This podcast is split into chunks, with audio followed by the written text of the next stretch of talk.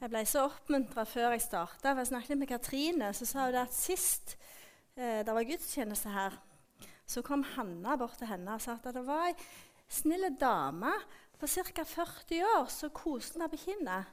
Det var meg. Så jeg fyller 50 i sommer, så jeg bare liksom kjente det var en god start på dagen for meg. Så da ble jeg helt rolig med en gang. Så kan vi hilse og si det til Hanna. Eh, når Mathias og dere spiller og synger, så er dere så på. Og når du smalt til på Gud vil gjøre mye mer, så stokk jeg nesten, for jeg sto med øynene igjen. så bare... Uh, og jeg tror det var noe profetisk over det.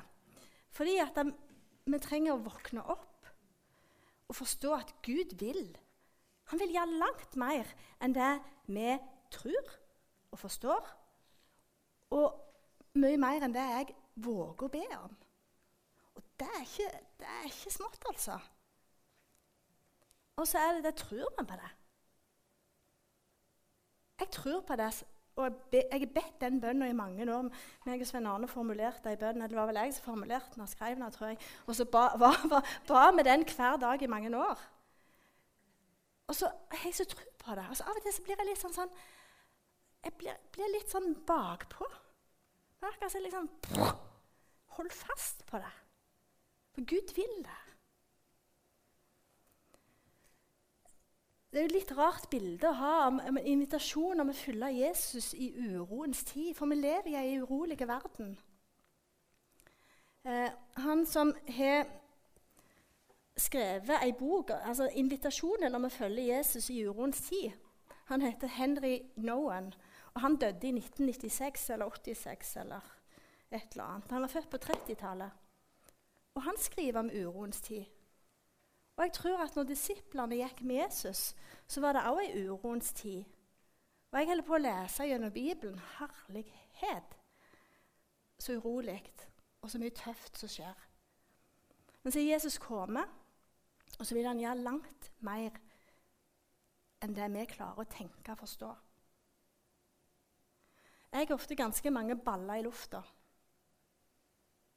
Og Denne uka har jeg hatt noe hver bidige dag flere ting.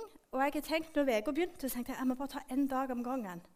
Jeg må bare ta en dag, og så er den dagen ferdig. Og så blir jo dagen god, men, men hvis jeg tenker på hele uka, så blir det liksom sånn Føler meg litt sånn som den som står på den lina og skal ta ned ballene.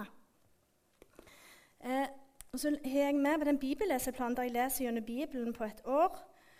Og så gjør jeg det i lag med ei eldre dame som, som jeg bruker en del tid i lag med.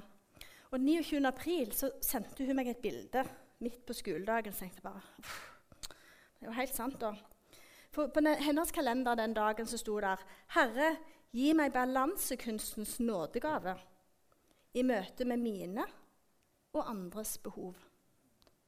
Og så skrev hun 'Var denne til deg, Kari?' Så jeg, ja. Jeg svarte ikke der og da, for jeg hadde lyst til å svare ned til deg òg. Men jeg visste jo med en gang at han, altså, selvfølgelig er den til meg. For jeg skal balansere mellom mine behov og andres behov. Og så ønsker Gud å være en del av alt det jeg holder på med. Han ønsker ikke å være en del av bare dette, for nå er det søndag. Han ønsker å være he hele livet mitt. Han skal være sentrum i alt jeg gjør. Enten jeg er her, eller jeg er på jobb, eller jeg går på butikken, eller jeg kjører bil og er alene. Han vil være i alt. Um, Skru han på. Ofte så er vi mer vandrere enn etterfølgere. Vi vaser rundt. Eh, eller vi kan si følgere enn etterfølgere. Jeg følger ganske mange på Facebook og Insta som jeg ikke ville vært etterfølger av. For det, er ikke noen liv som gjør at jeg tenker at de er verdt å følge. Men det er spennende å følge med. Spennende å se litt hva de holder på med. Få noen bilder. Å, når de var der, og når de var sammen sånn. Og så, så får vi masse informasjon. Og når Jesus levde, så var det òg mange vandrere og følgere som ikke var etterfølgere. Vi kan springe rundt og gjøre ganske mange ting. uten at det får så store virkninger hvis ikke Gud får være i det. Og Det må jeg fortelle meg gang etter gang at Kari, du kan ikke prøve å være flink og få til ganske mange ting. For det, det kan jeg godt få til. Jeg er egentlig ganske flink. Mor og far sitter der. Kan ikke dere si at jeg er ganske flink nå? For å nikke litt sånn. Far tar tommelen nå. Men jeg, men jeg vet om det sjøl. At jeg kan få til ganske mange ting. Og iallfall når jeg er gift med Svein Arne, da kan jeg få til nesten alt. Og det er ikke tull. For det jeg tror han kan få til nesten alt. Men det hjelper lite hvis det kristne livet handler om å gjøre mange ting og balansere alle disse ballene vi skal gjøre, hvis det ikke er Guds ånd og hvis det ikke er Guds kraft får være i det. Da kan det bli ganske stressende. Jeg er ganske engasjert, og kan være ganske travelt. travel. Men det, men det er egentlig ikke farlig å ha en del ting og kjenne at til tider det er travelt. Hvis vi har freden i Gud, og at Gud får være med oss i det. Men over lang tid så trenger vi òg å hvile og hente krefter. Og vi trenger å få påfyll for hver dag som vi lever. Mange opplever at de er så slitne at de føler seg utlevd. Eh, jeg har noen som har begynt på, på skolen hos oss. De har ikke jobba lenge før de kjenner at 'Å, herlighet, for et liv!' Jeg kommer om jeg orker dette. Og så er jo det bare arbeidsdelen av livet. Og så er det så mye mer. Det er enormt mange slitne mennesker. Og det er menneskelig å bli sliten. Men vi må passe på at vi ikke blir utlevd, at vi får henta kraft. Og når vi kjøpt uh, ny bil, sant, så trenger, trenger sånn elektris, elektrisitetsstrøm, heter det. ikke så lett. Uh, så hvis jeg bare kjører den Vi kjørte hjem fra Stord. Sant? Hadde vært Inger, Johan og, og så hadde vi 1% igjen når vi kom hjem. Og Jeg var så galen på Svein Arne, for jeg mente han burde stoppet og så lade. Sikre at vi hadde nok strøm. Nei, det går bra. Sant? Så hadde vi 1% når vi rygga inn i garasjen. Så kjørte han med, med, henger, og det tok jo mer strøm der enn uten. Men det gikk godt. Men, men, det er ikke godt å kjøre på sånn limit der at du klarer jeg dette, har jeg nok å gå på nå? Det er mye bedre å fylle på og sikre at nå vet jeg at det er nok å gå på. Hvis vi lever hele veien på den limiten i livet vårt som Jesus, at vi ikke har nok påfyll, mer enn at vi er usikre på om dette holder, så blir det tungt og slitsomt. Jeg tror ikke det er mange her som har lyst til å bli sliten og utmatta. Det, har jeg vært av og til. Og det er ganske kjip plass å være. Midt oppi dette så sier Jesus at vi skal følge ham. Han sier ikke vi skal, men han inviterer oss til å følge ham. Så er det sånn, Hvis jeg springer rundt og gjør mange ting, eller hvis jeg sitter helt sånn uh, Det skjer ingenting, for jeg får ikke gjort noe. for Jeg, liksom, jeg vet ikke helt hvor jeg skal begynne. Jeg er så sliten. Vi kommer ikke så, så langt da, hvis vi, hvis vi er verken, eller, hvis vi er den ene eller andre plassen. da. Vi trenger å eh, ha påfyll ifra Gud. Og vi trenger å være klar over at vi bør leve et liv der vi søker etter et spesielt punkt. Vi må ha et fokusert liv. For da blir det lettere å ta vekk ting, eller si nei til ting, eller bidra på ting. Hvis, hvis vi har et fokusert liv. Hvis vi vet hvor vi skal, hvis vi vet hvorfor jeg er her. Hvis jeg vet hvorfor jeg er skapt, og hva hensikten med livet mitt er, så er det mye lettere å ha det punktet å søke etter.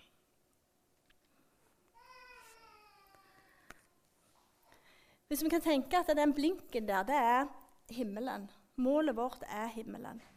Vi skal leve et liv her nede, men det livet skal vi leve med en hensikt.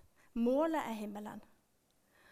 Og da trenger vi et kompass. Hvis vi er ute og går Jeg har litt i ja, sånn jeg, det kan være greit å ha kompass. Jeg er ikke så god på kompass. Jeg må, da må jeg stole på andre. Men i mitt liv så trenger jeg et kompass i forhold til målet som er himmelen. Og det kompasset er her. For her er sannheten. Her er det som lærer oss hvordan et godt liv er. Det betyr ikke at det blir et lett liv.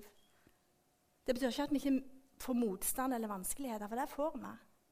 Men når vi følger det som står her, så får vi en slags fred gjennom alt det å kunne stå i det som vi møter.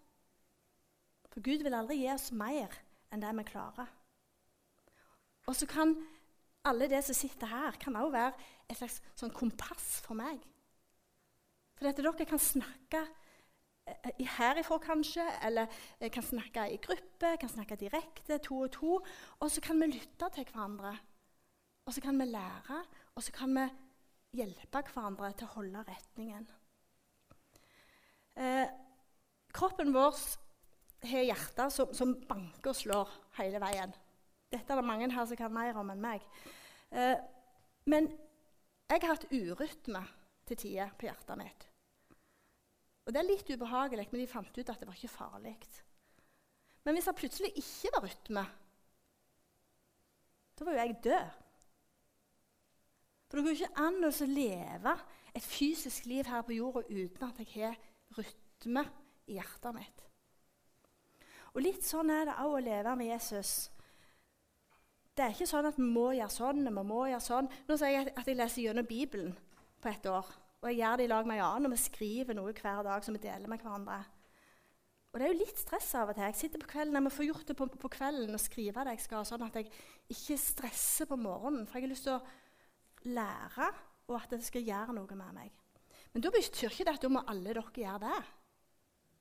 Det fins mange rytmer, men vi trenger en rytme i livet for at det skal bli liv. Vi trenger å fylle på. Enten det er at du går en god tur og har god prat med ei venninne om viktige ting. Vi får påfyll når vi er på gudstjeneste. Vi, vi har huskirke. Eh, vi kan høre på musikk, vi kan gå en tur i naturen og bli overvelda over det Gud har skapt. Det er ulikt for oss. Men jeg tror at vi kommer ikke unna det med å fylle oss med Guds ord. Om vi leser sjøl, om vi hører eh, Noen liker å lese mye, noen trenger gjerne bare litt. Det ser ulikt ut. Skal det, det skal ikke være likt for alle. Jeg fant denne, for denne sto faktisk i Dagbladet. Jeg er usikker. Artikkel fra Dagbladet sto der, så sto denne her under.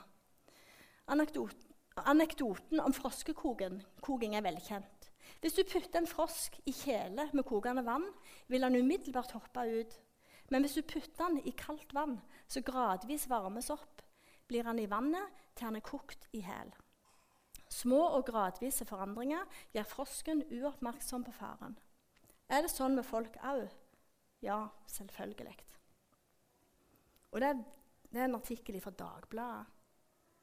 Og jeg tenker at i samfunnet vårt så er det, så er det blitt ganske sånn at ah, Det meste er jo egentlig greit. Hvis du bare er fornøyd sjøl og ikke skader andre, så er det greit. Da er det innafor. Kardemommeloven Eh, og det er mer og mer ting som blir proppa inn i ungene helt fra barnehage og barneskole nå, som gjør at vannet varmes opp. Og jeg tenker i forhold til oss sjøl òg, hva vi ser på TV. Dette skal ikke være noen sånn fordømmelsestale, men en, en sånn en bevissthet på at vannet er i ferd med å bli ganske varmt. Og vi må være tydelige og klare, sånn at vi klarer å komme oss ut av det vannet som varmes opp, og at vi er med å påvirke og hjelpe den kommende generasjonen. Og dere som er ungdommer, dere er jo fantastiske forbilder for de som kommer etter. Vi må ikke se smått på oss sjøl og tenke at ja, men jeg kan ikke bidra med noe. For det kan vi. Det kan vi alle mann. Eh, hvis jeg drar ut nå, klarer du å sette på den andre?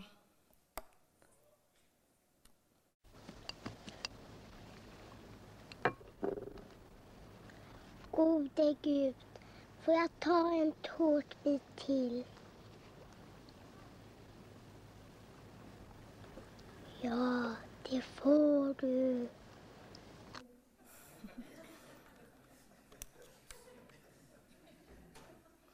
Jeg husker den fra jeg var liten, og jeg syns hun var så skjønn.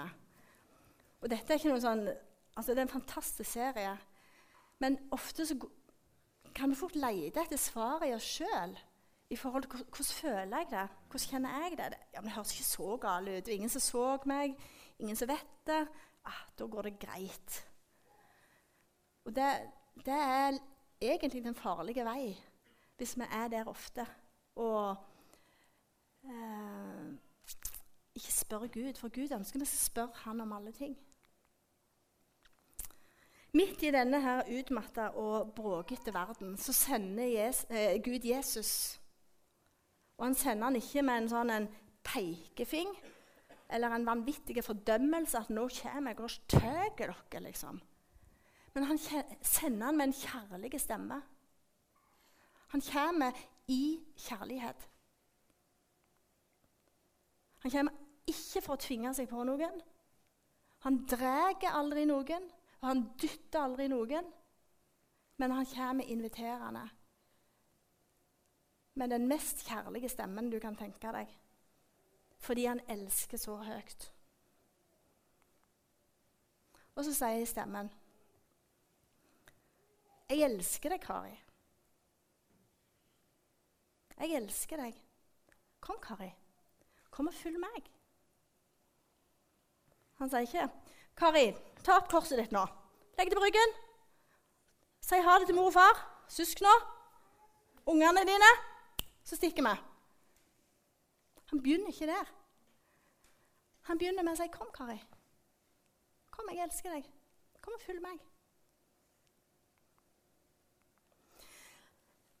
Døperen Johannes han, jeg tenkte mange ganger, han så sikkert ikke veldig godt ut der han sto og døypte. Jeg har tenkt at han var litt sånn raring.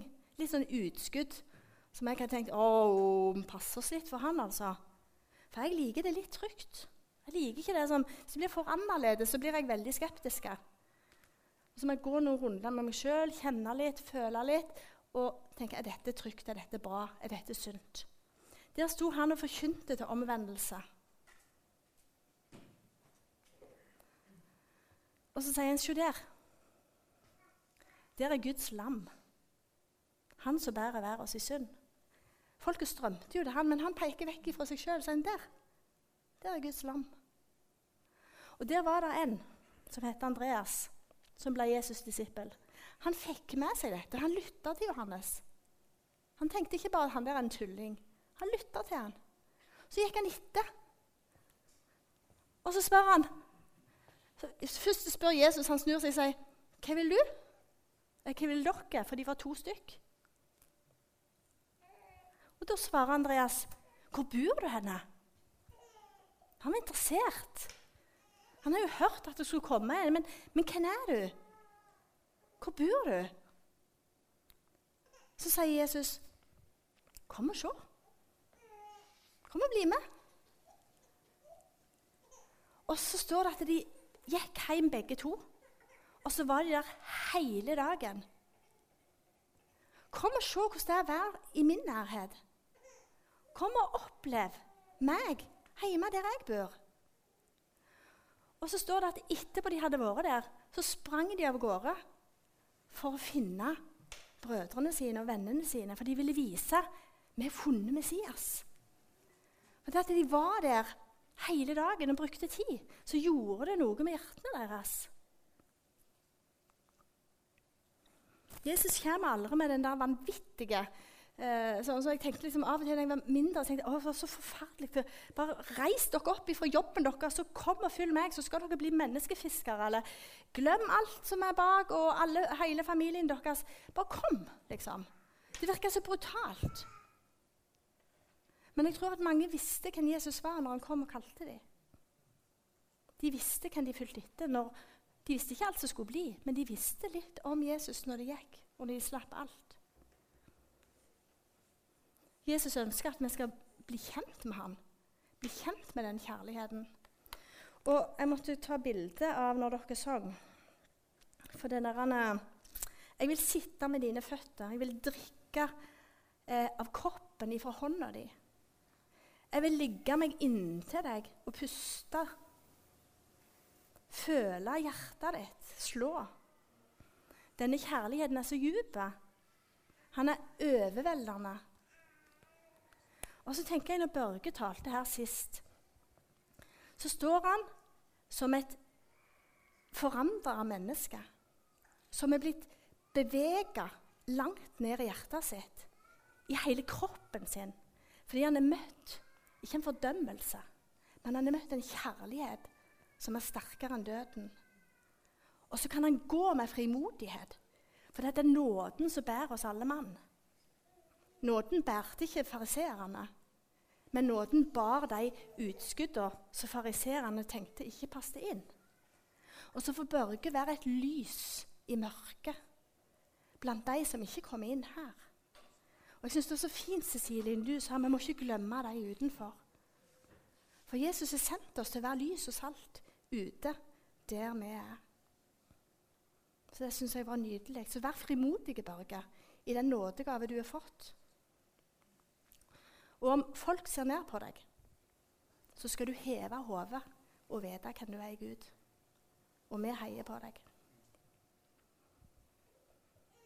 Vi er kalt til å være disipler, til et disippelskap, til et fellesskap med Jesus. Vi er ikke kalt til å være følgere, sånne som er litt på avstand bare for å følge med og se og mene noe om.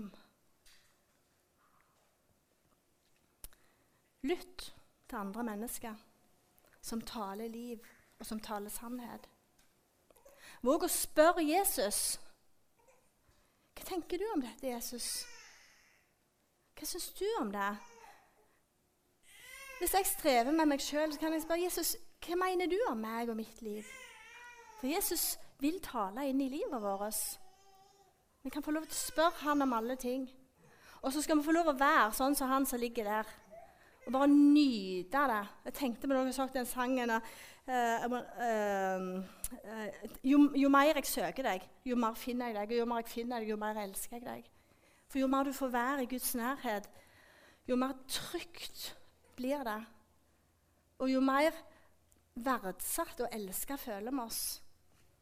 Og så kan vi få lov til å gå med den kjærligheten som vi sjøl får.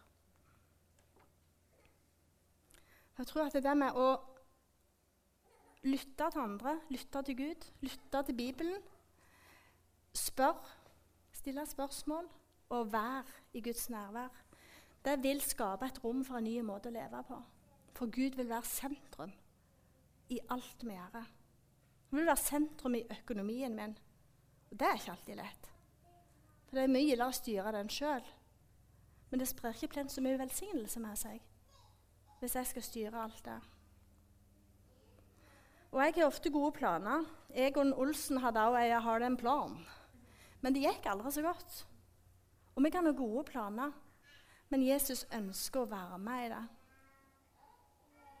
Og så er det sånn at frykt det er en del av alle mennesker sitt liv, mer eller mindre.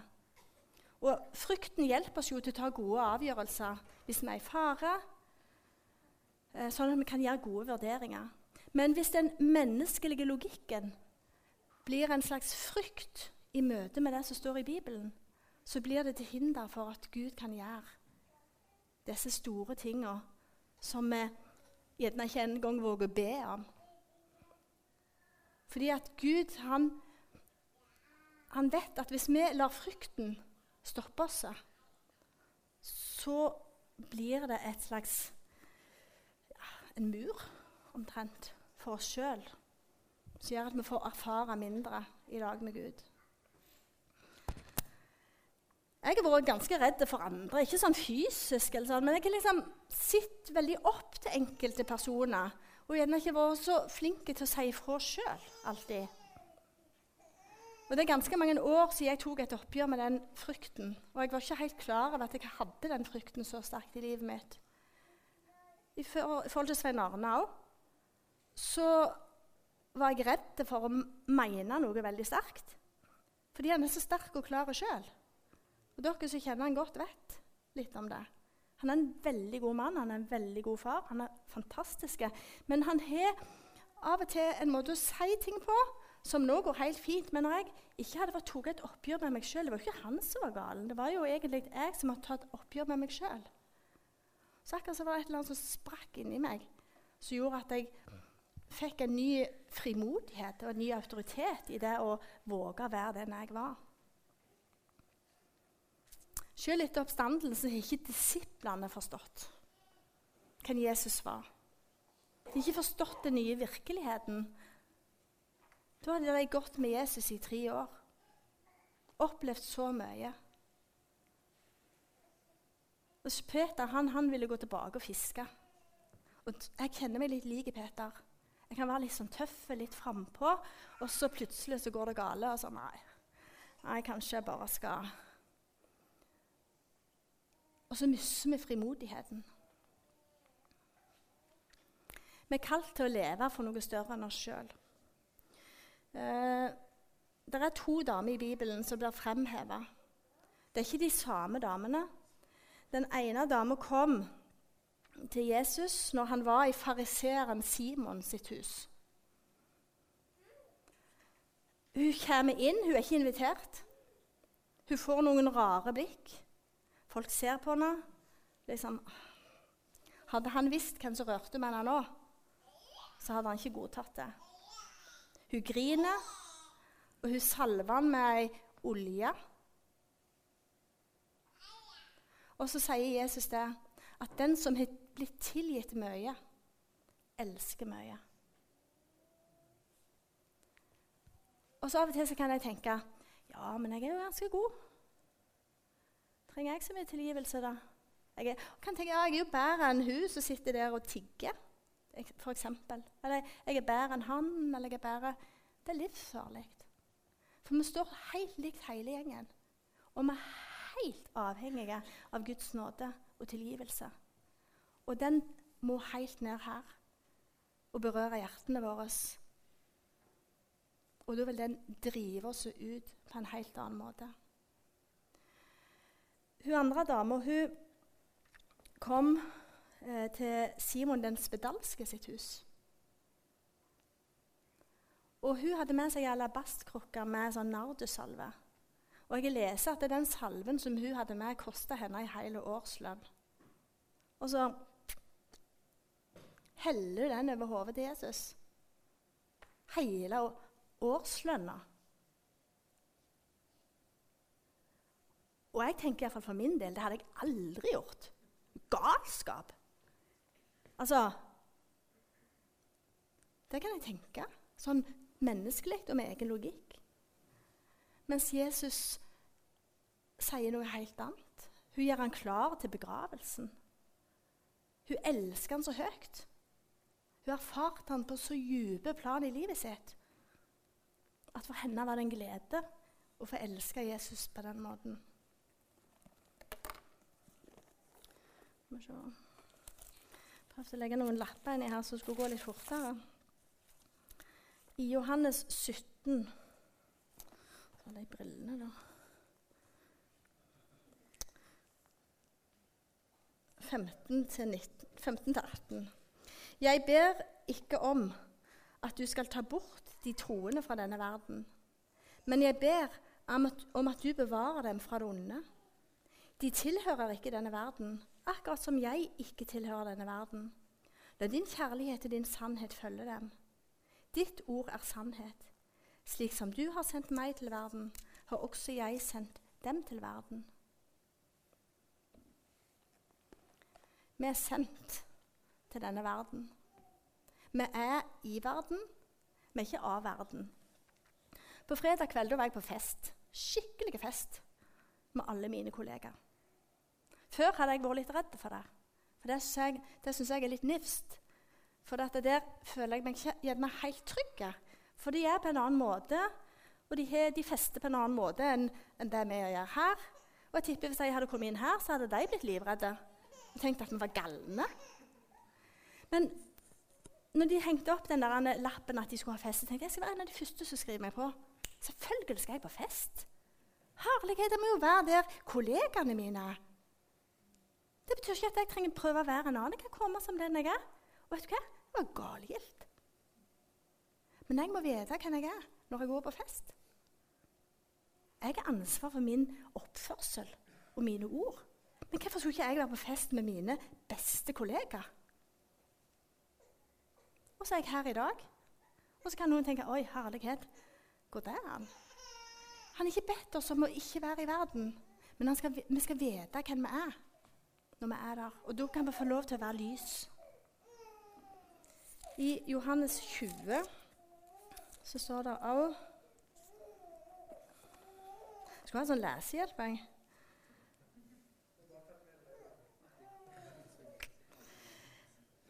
Samme søndag var disiplene samlet om kvelden. Dørene var låst fordi de var nede. Nei, nei, fordi de var redde for de religiøse lederne. Plutselig sto Jesus midt iblant dem og sa, 'Fred være med dere.' Så viste han dem sårene i hendene sine og såret han hadde etter spydet i siden. De, disiplene ble så glade da de så Jesus. Plutselig kommer Jesus, og så sier han 'Fred være med dere'. Og Det er det han sier til oss òg, for han vil at vi skal bære hans fred med oss der som vi er.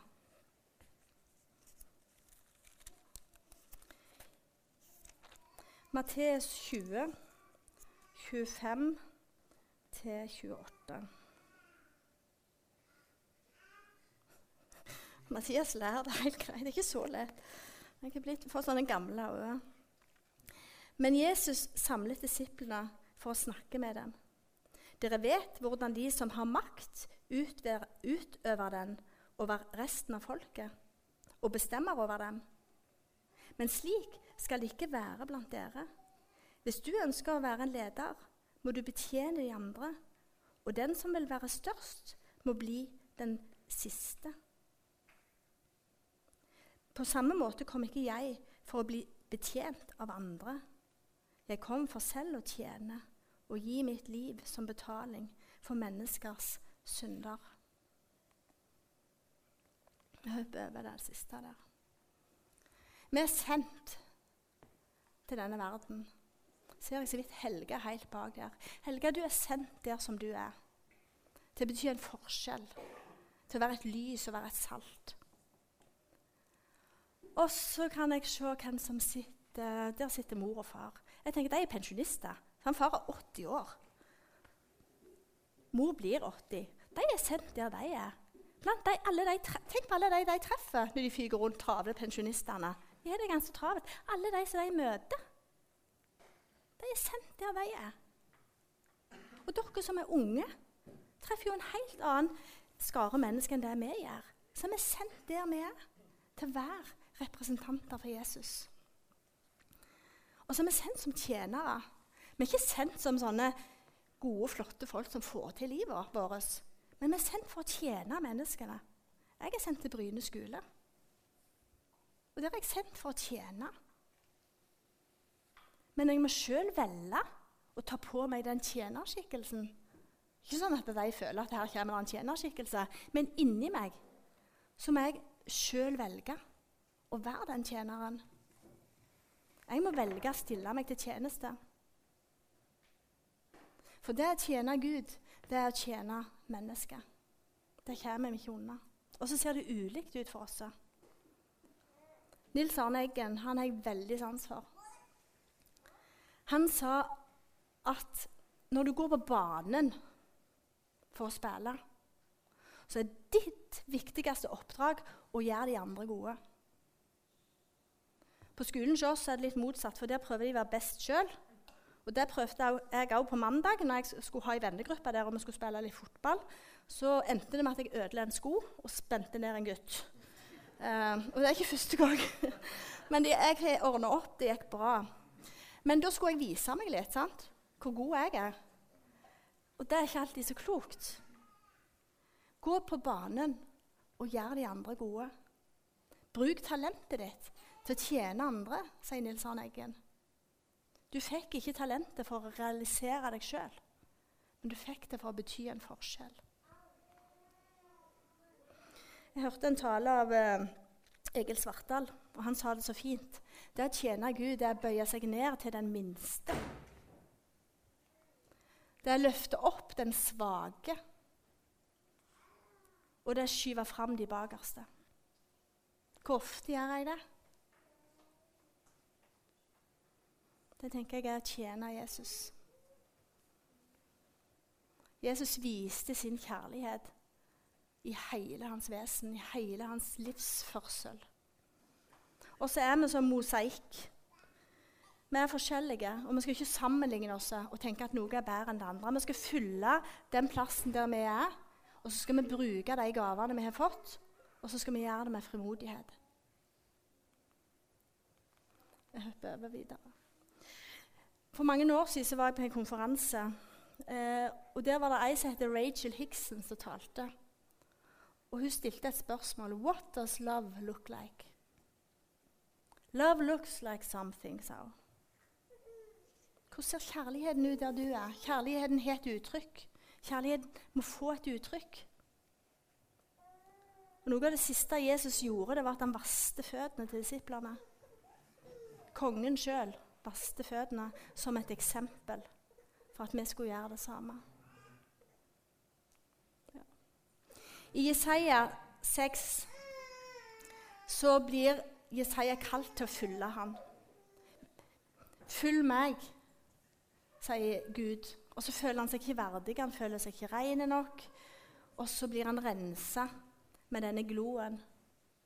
Og så blir han fortalt at du er ren, du er verdig. Og så responderer han Se, her er jeg. Send meg. Og så skulle jeg ønske at alle kunne respondere på den måten at her er jeg, Jesus. Send meg sånn som jeg er, ikke sånn som alle andre vil ha meg, eller sånn som alle andre er. Send meg sånn som jeg er. Og fyll du meg med din kraft og din Hellige Ånd til å leve det livet som du vil jeg skal leve. Sånn at jeg kan få vandre i det som du har lagt føre. Ikke så smått på deg sjøl. For Jesus har løfta deg opp og satt deg i stand og gjort deg verdig til å leve et liv for ham. Jesus, takk at du kaller oss til å følge deg. Takk at du eh, ønsker å ha oss i din nærhet. Du ønsker å bekrefte oss som barn, som elsker. Og så ønsker du at vi skal få lov til å være på ditt lag, at vi skal gjøre hverandre gode. Ikke at vi skal sammenligne oss, men vi skal få gjøre hverandre gode, Jesus. Hjelp oss til å gå ut i dag og tenke at nå er vi på ditt lag, og vi vil gjøre det vi kan for å se andre mennesker, elske andre mennesker på den måten de trenger, og med de gavene du har lagt ned i våre liv. Og Jeg ber Jesus om at ikke dette skal bli til fordømmelse, men til oppmuntring og glede. Amen.